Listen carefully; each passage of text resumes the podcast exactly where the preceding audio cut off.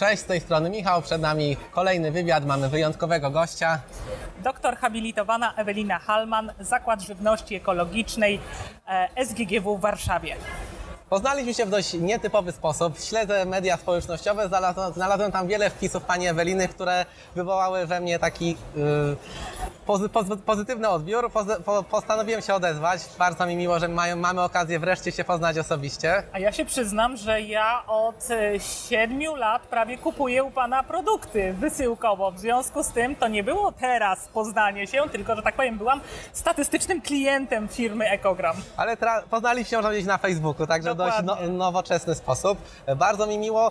Pani większość wypowiedzi, albo wszystkie, bardzo taki pozytywny odbiór, taka nie, niesamowita sympatia. Rzadko tak mam, że właśnie kogoś polubię, zanim go poznam, a tu była taka jakaś e, dobra energia. E, chciałem porozmawiać o rolnictwie ekologicznym. Jak dla mnie jest Pani największym au- auto, autorytetem, jaki miałem okazję poznać. E, bardzo cenię Panie, Pani pracę. Chciałem porozmawiać o rolnictwie ekologicznym, o tym, jak ta świadomość wzrasta, o tym, czym jest tak naprawdę rolnictwo ekologiczne i o takich informacjach od o faktach tak naprawdę, bo dużo się mówi, ale mało kto ma taką wiedzę fachową, mało kto y, zna wyniki badań, przeprowadza te badania samemu, ma dostęp do tych informacji sprawdzonych, nie, nie jakichś takich przekonań, czy po prostu rozmawiamy o faktach. Także y, czym jest rolnictwo ekologiczne dla Pani? Rolnictwo ekologiczne to nie tylko sposób na życie, czy podążanie za jakimś nowym trendem, który jest w tej chwili kształtowany.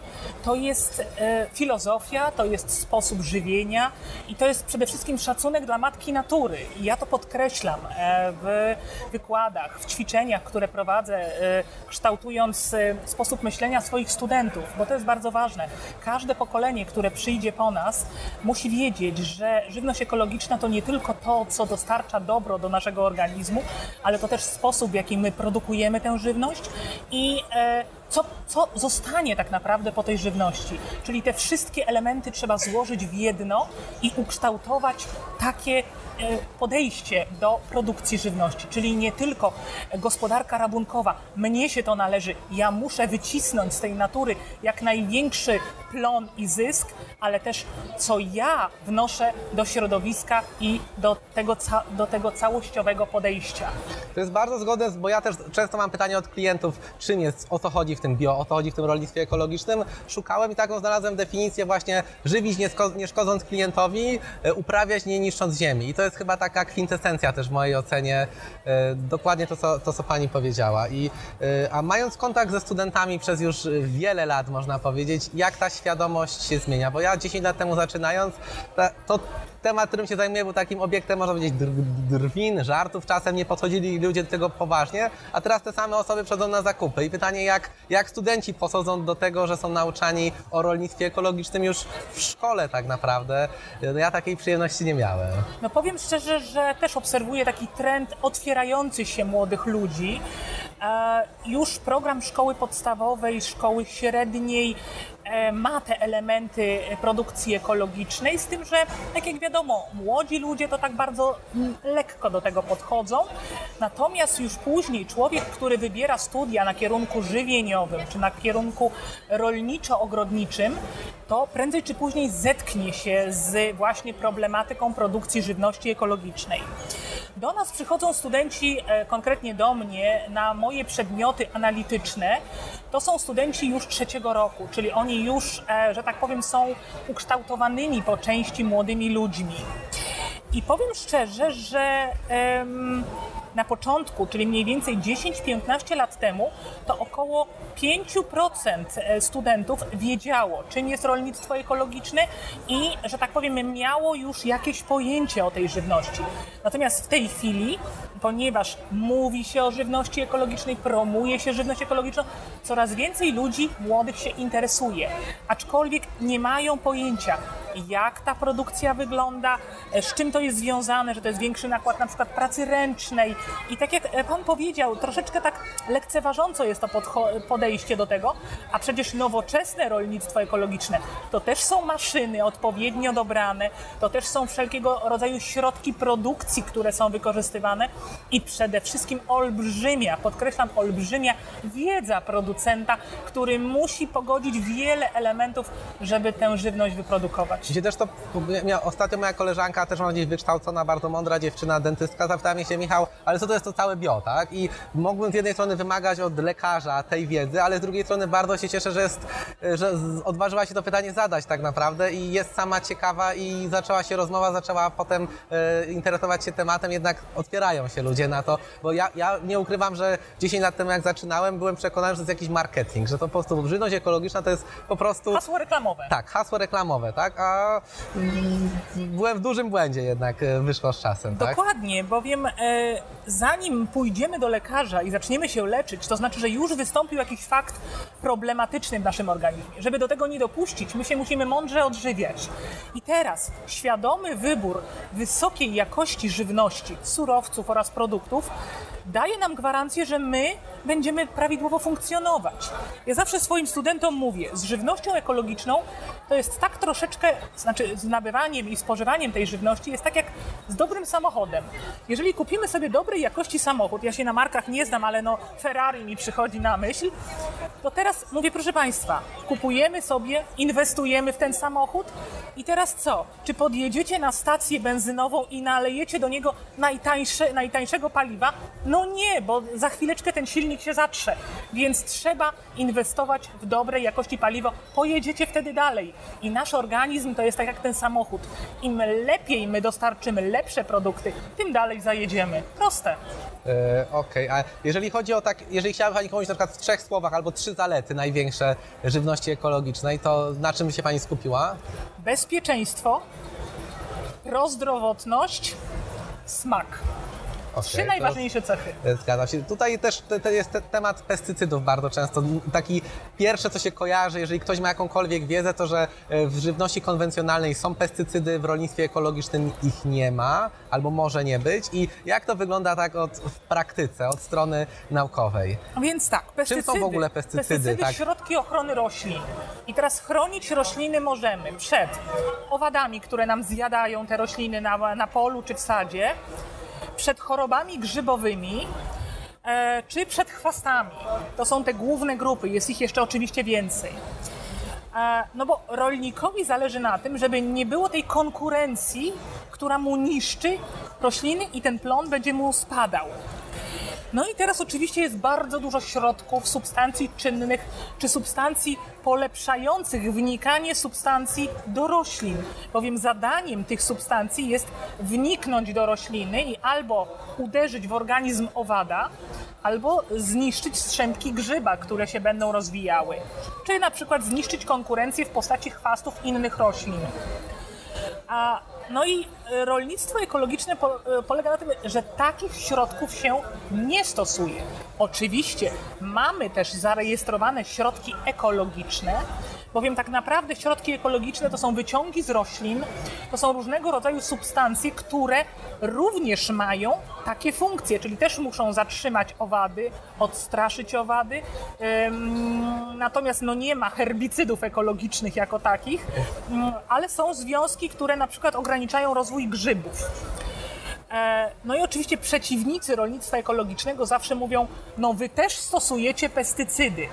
Tak, ale to są naturalne związki i nie tak toksyczne, jak w przypadku substancji syntetycznych, których jest kilka, których jest kilka tysięcy, a zarejestrowanych ekologicznych jest bodajże 30 kilka, więc to jest kompletnie inna półka. Okej, bo jest taki znany mem w internecie, chyba to jest jakiś człowiek albo e, chomik, który coś tam sobie psika w masce i jest taki opis, czy w tej masce też to będziesz jadł. I e, dużo przeciwników rolnictwa ekologicznego twierdzi, że pestycydy są ok, ale one nie, nie, nie, nie wchłaniają się do, do rośliny i dlatego to jest nieszkodliwe, one są wypłukiwane potem przy myciu na przykład warzyw i owoców. I jak jest w rzeczywistości? Czy to jest prawda, czy, czy te pestycydy jednak wchodzą do tej rośliny i je potem jemy razem, e, spożywając na przykład marchewkę, czy jakiś tam owoc, e, jak, jakieś warzywo?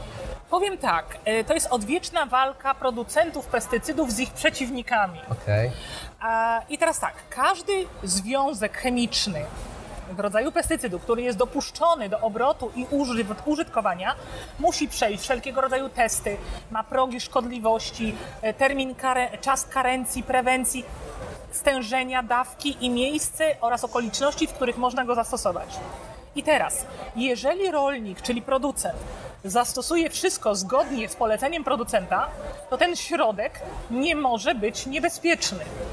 Ale, i tu się otwiera małe ale. A właśnie jak jest w praktyce, bo W praktyce bywa bardzo różnie. czyli I to rolnik dla wszystko za- bezpieczeństwa daje więcej na przykład tych To środków? też może czy- mu się nie opłacać, bo to są drogie środki, więc jeżeli on ma tam kilka metrów do e, opryskania, to jeszcze mógłby zaryzykować, ale jeżeli ma kilkadziesiąt hektarów do zrobienia, to jest to olbrzymi wydatek finansowy, co oczywiście nie upoważnia mnie do obrony pestycydów i stosowania, bo ja jestem przeciwko. Aczkolwiek, e, no wiem bardzo dobrze, jak te środki są wypuszczane na rynek. I teraz też musimy sobie zdać sprawę, że są to środki toksyczne. I jeżeli w naszej żywności nagle pojawiają się inne substancje chemiczne, to oczywiście no, my nie zatrujemy się de facto od razu. Bo jeżeli my spożywamy To taką kumuluje żywność, u nas, to tak, w ciele, następuje okej. kumulacja w dużym okresie czasu. I na początku nasz, nasze systemy oczyszczające organizm, nerki, wątroba działają i sobie radzą. Ale przyjdzie taki moment po kilkunastu latach, kiedy nasza zmęczona wątroba powie: Stop, ja już nie daję rady. I w tym momencie no, może się zacząć jakiś proces chorobotwórczy, proces nowotworowy, i nagle stajemy w obliczu choroby. I to jest dramat. Ja pamiętam, miałem taką kiedyś rozmowę w czasie jednej z naszych rocznych kontroli ekologicznych, że e, pani z kontroli wspominała, że e, dla jakiejś dużej sieci fast foodów gdzieś są uprawy ziemniaków w Polsce i że tam na wszelki wypadek praktycznie codziennie jest oprysk, żeby zachować daną jakość. I pytanie, to może pani jakoś odnieść do tego, że to jest możliwe, że nawet tak regularnie są te opryski możliwe? No codziennie to na pewno nie, bo Żeby być, zazwyczaj... ale to może nie było codziennie, ale, Ale w sensie regularne. Co, regularnie co parę dni na, są te e, ziemniaki pryskane, żeby były nieskazitelnie ładne do frytek, Znaczy tak? może nawet nieładne, żeby nie było dużych odpad, y, dużego y, odpadu plonu. Ziemniaki muszą być równe, ładne, bo tak jak są zakontraktowane w odpowiedniej wielkości, bez y, szczernienia miąższu, bez różnych defektów, no bo wtedy maszyny, które kroją te ziemniaki na te frytki, no niestety pokroją kiepskiej jakości materiał i wtedy konsument dostanie frytkę i ta frytka będzie z jednej strony czarna, z jakiejś tam będzie nierówna i to już y, będzie rzutowało na przyszłą decyzję, czy ten konsument kupi tę frytkę. W związku z tym niestety no, te środki są stosowane. E, Dobrze, a w, po, po- wracając do tematu pestycydów, też e, mówimy o ok, że one nie wchłaniają się do roślin, albo mniej lub bardziej, ale one wchodzą do gleby, z gleby do, z deszczem do wód gruntowych, potem do rzek, zanieczyszczają rzeki i słyszałem o takim zjawisku jakby takiego łańcuchu pokarmowego, że w tej rzece jest jakaś malutka rybka, czy jakaś tam jednokomórkowa istota, która dla niej to jest bardzo duże stężenie. Ona praktycznie pochłania to, to całe, potem ją zjada większa rybka, potem jeszcze większa rybka, potem my to jemy i to się kumuluje i że w tym łańcuchu pokarmowym na samym końcu to stężenie jest dużo większe niż to dopuszczalne na samym początku i, yy, i czy to tak w rzeczywistości tak działa? To znaczy powiem tak, e, ze stosowaniem pestycydów jest dokładnie ta sama sytuacja jak walka, co wspomniałam, producentów z ich przeciwnikami. Rośliny, wbrew pozorom, też mają swój naturalny system ochrony przed wnikaniem różnych substancji do środka. Produkują woski, produkują e, specjalnego rodzaju powłoki, które utrudniają wnikanie wszelkich substancji. Co robią producenci pestycydów? Dodają wszelkiego rodzaju oleje, polepszacze, które na siłę wtłaczają nam te związki do owoców, do warzyw, do roślin. Czy one są nie tylko na zewnątrz, Ale z tego wynika? że Okej, tak. Czyli ten, ta, ten zarzut, w sensie kontrargument, że one są na zewnątrz, tylko je spukamy, na przykład myjąc wodą, Nie damy rady. z octem, czy, czy tam Oj, z ten czymś. ocet to w ogóle jest też śmieszna sprawa, bo absolutnie nie pomoże nam w, w zmyciu środków chemicznych. Bo one są w środku. One, no one wnikają, one Okej. nie wnikają do samego środka e, owocu, ale ta warstwa 2-3 mm pod skórką jak najbardziej te pestycydy się tam znajdują. I teraz oczywiście one się rozkładają, one mają też swój czas takiego rozpadu, więc e, teoretycznie one nie mogą być niebezpieczne, a praktycznie no nigdy nie wiadomo w jakim kierunku, m, bo na przykład jak mamy większe promieniowanie ultrafioletowe czy wyższą temperaturę, jak te pestycydy będą się degradowały. A jeżeli one wchodzą do wody, a potem systemem korzeniowym do środka nie wchodzą też? W sensie? Też mogą, Więc- też mogą być to- to- to pobierane, jest- więc to są argumenty Okej, takie tak. trochę no nie do końca potwierdzone. I A- nikt chyba nie prowadzi, ja nie wiem, czy ktoś prowadzi takie badania monitoringujące, które pokazują, jaki jest ruch pestycydów i na jakim etapie jest y, rozkład do jakiej postaci. Oczywiście na końcu zawsze będzie się pojawiał dwutlenek węgla i woda, jako te neutralne składniki, ale jak, kiedy i co, No nie wiem, nie jestem ekspertem i nie powiem tutaj, jak to się tam e, rozkłada. A jeżeli ktoś ci zaczął, chciałby zacząć wybierać produkty ekologiczne, często w, w internecie pojawia się taka lista tak zwana parszywa dwunastka, czysta dwunastka. Tam jest lista e, produktów uznawanych za czyste, które w produkcji są zazwyczaj mniej używanych jest tych pestycydów, a są, o, są takie, które są e, no, na przeciwnym bieg, e, końcu tej listy, gdzie są bardzo zanieczyszczone. I pytanie, na ile to jest wiarygodna w Pani ocenie ta lista czystych produktów. Na przykład pamiętam, że truskawki chyba są jednym z najgorszych produktów. Niestety. tak. Awokado chyba z racji grubej skórki było tam uznawane Jest za tak, jedno z bo tam jest jeszcze warstwa ta taka woskowa, więc ona utrudnia wnikanie, ale też banany wszelkiego rodzaju, pomarańcze. Czyli ja podejrzewam, bo też ekspertem nie jestem w kierunku ochrony, że wszystkie owoce, które są produkowane masowo, no niestety, jeżeli e, producent jest nastawiony na duże pozyskiwanie i jest duży popyt na te owoce, to on chce go dost- dostarczyć te owoce na rynek. W związku z tym no, istnieje duża szansa, że te pestycydy będą używane i te owoce są bardziej narażone. W przypadku owoców miękkich typu truskawki, maliny mm, e, też jest szereg chorób, które bardzo szybko niszczą nam te owoce. W przypadku truskawki jest to szara pleśń. E, W związku z tym no, stosowane środki mają zapobiegać rozwojowi tych chorób i stratom, które po, ponosiliby producenci. A są takie warzywa albo owoce, które poleciła Pani jednak wybierać mimo wszystko według Pani wiedzy ekologiczne, takie e, z badań na przykład, z tego co do tej pory miała Pani informacje różne. No ekologiczne to praktycznie wszystkie, no bo tam się nie stosuje pestycydów, prawda? Ale jeżeli ktoś Natomiast- chciałby zacząć, jednak mm, od czegoś zacząć, to taki najbardziej, najgorszy owoc, od którego lepiej nie jeść, nie w konwencji, tak? Tak. W konwencji, no to podejrzewam, że pomarańcze i banany. Okej. No i właśnie truskawki. No Truskawki. niestety, to chyba tutaj jest ten problem.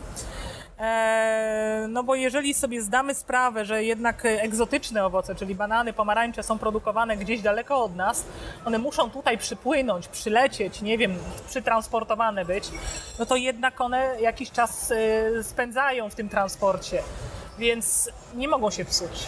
A czytając głosy z, przy, z, sprzymierzeńców rolnictwa ekologicznego i przeciwników, spotkałem się z, z kompletnie sprzecznymi informacjami na temat zawartości witamin w owocach ekologicznych. Niektórzy twierdzą, że są większa, niektórzy, że mniejsza. Jak to według Pani badań e, wygląda w praktyce? Jest przeprowadzonych w tej chwili badań jest kilka tysięcy. Więc e, zarówno badania e, jednostkowe, jak i tak zwane metaanalizy e, wskazują, że nie można jednocześnie, jednoznacznie powiedzieć tak we wszystkich owocach czy we wszystkich warzywach ekologicznych jest wszystkiego więcej. Bowiem byłabym niesprawiedliwa, bowiem teraz ja z kolei mogę zadać pytanie. Ile związków chemicznych, znaczy w ogóle związków wszystkich można znaleźć w buraku ćwikłowym? Pytam się. Y, Ja muszę przyznać, że nie wiem. No to spróbujmy jakąś wartość podać. Tysiąc, kurcz. Więcej. Okej. 6 tysięcy związków. Z czego tak naprawdę zidentyfikować potrafimy około 30-40. No i teraz, gdybym ja miała powiedzieć, że wszystkie 6 tysięcy związków jest w większym stężeniu w ekologii, byłabym kłamczą, kłamcą po prostu. Okazuje się, że nawet w takich grupach jak związki polifenolowe, witaminy, występują takie związki, które dominują w warzywach ekologicznych i są takie, które występują w mniejszym stężeniu. Więc e, na 6 tysięcy związków polifenolowych, które są w tej chwili zidentyfikowane, część występuje w większej, większej przewadze w ekologicznych, część w konwencjonalnych. Czyli nie możemy demonizować całkowicie e, surowców e, konwencjonalnych, bowiem one też mają swoją wartość. Jak najbardziej. A wracając do rolnictwa ekologicznego, też jest jeden z wymogów y, zakaz GMO. Jakie niektórzy straszą, niektórzy nie straszą. Kurczę, jaka jest Pani opinia na temat E, No wiadomo, e, ekologiczne zasady e, całkowicie negują e, wykorzystanie organizmów modyfikowanych genetycznie, bowiem tak naprawdę dwadzieścia kilka lat, e, czyli ten czas, kiedy te organizmy są wykorzystywane, są nad nimi badania, to jest zbyt krótki czas, żeby móc się przekonać o długofalowych skutkach tych, e, wpływu tych organizmów. Powiem tak, moje stanowisko jest takie, dopóki GMO jest wykorzystywane em, w kierunku produkcji farmaceutycznej, czyli na przykład insulina, czyli wszystko to, co jest związane ze zdrowiem człowieka, jest pod kontrolą i jest w laboratorium, to jest dobre. Jeżeli zostanie uwolniony do środowiska, nie mamy nad tym kontroli, tracimy całkowicie kontrolę. W jakim kierunku pójdą zmiany mutacyjne później takich organizmów, nikt tego nie wie. I, e, I to jest duży problem. W momencie uwolnienia się takich organizmów jest to jedna wielka niewiadoma.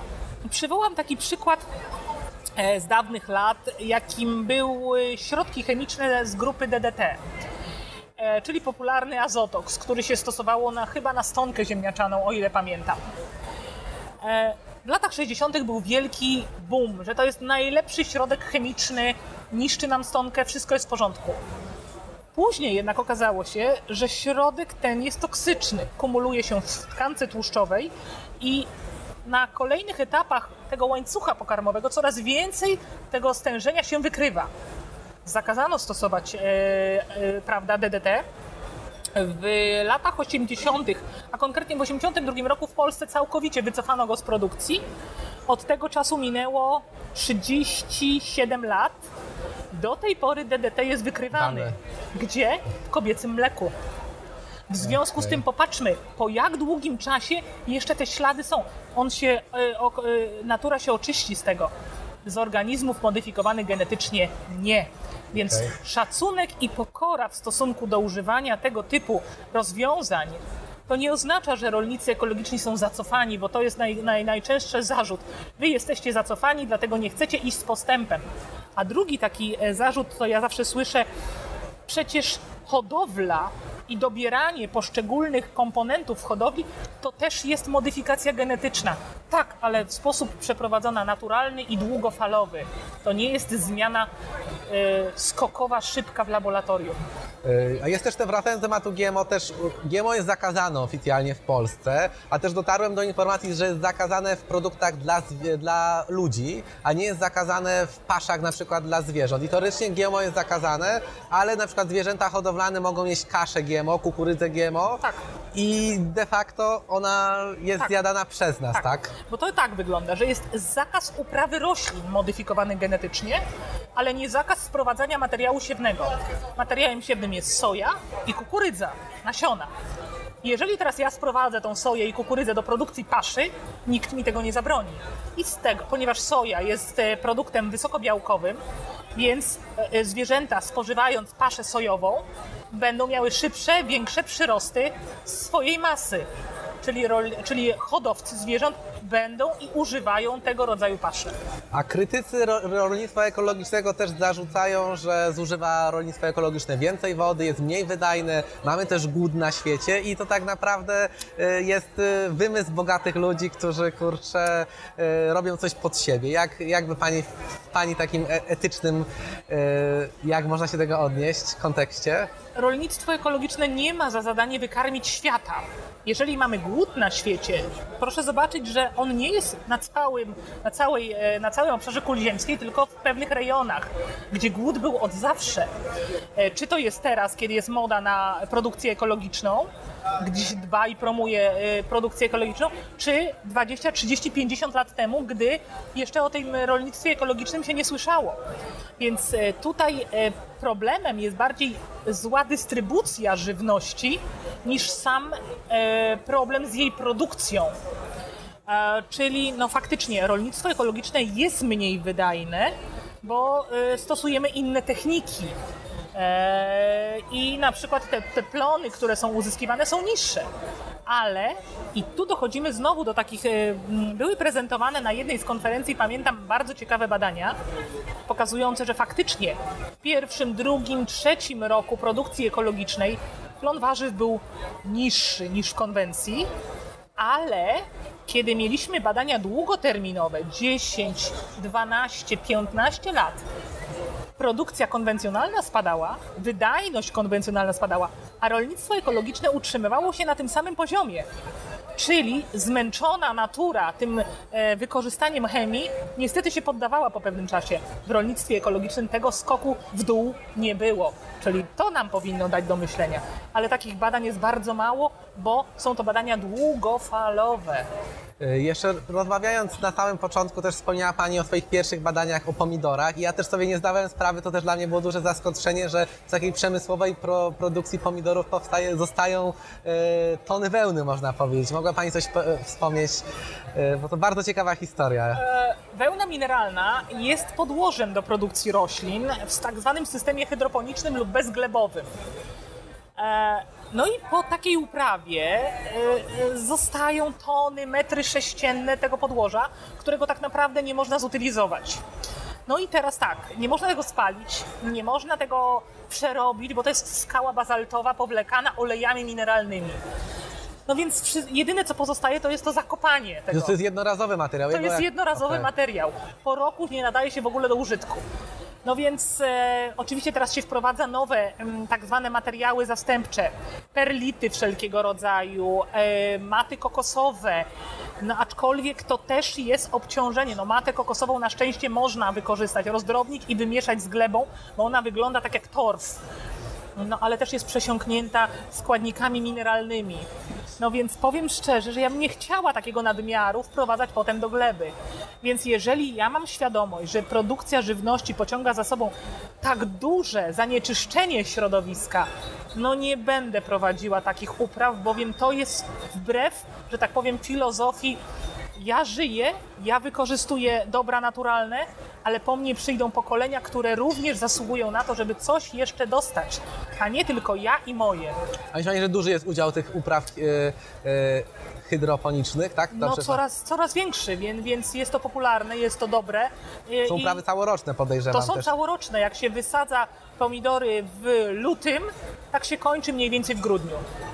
E, okej. Także jest to dużo. A na koniec, jeżeli chciała Pani w trzech słowach tak zachęcić naszych widzów do produktów ekologicznych,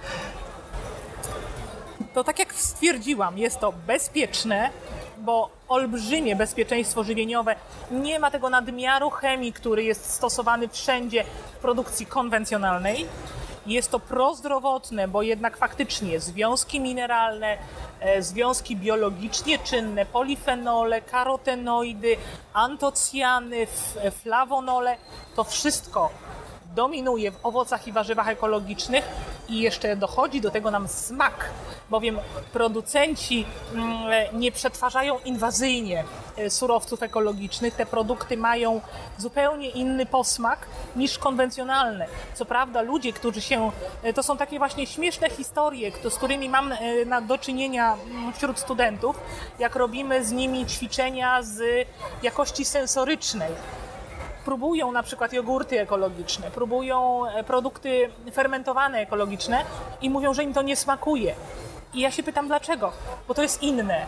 I osoba, która do tej pory e, spożywała żywność konwencjonalną i jest przyzwyczajona do pewnych kanonów smakowych, nagle dostaje produkt, który jest z tej samej grupy, a smakuje kompletnie inaczej. I pierwszy odruch jest nie, ja tego nie chcę, ale potem nagle się okazuje, że lepszy jest jogurt bardziej kwaśny, nie taki wysłodzony, czy lepszy jest e, e, chleb, który ma zupełnie taką mocną, zbitą strukturę, a nie gąbczasty, nadmuchany powietrzem.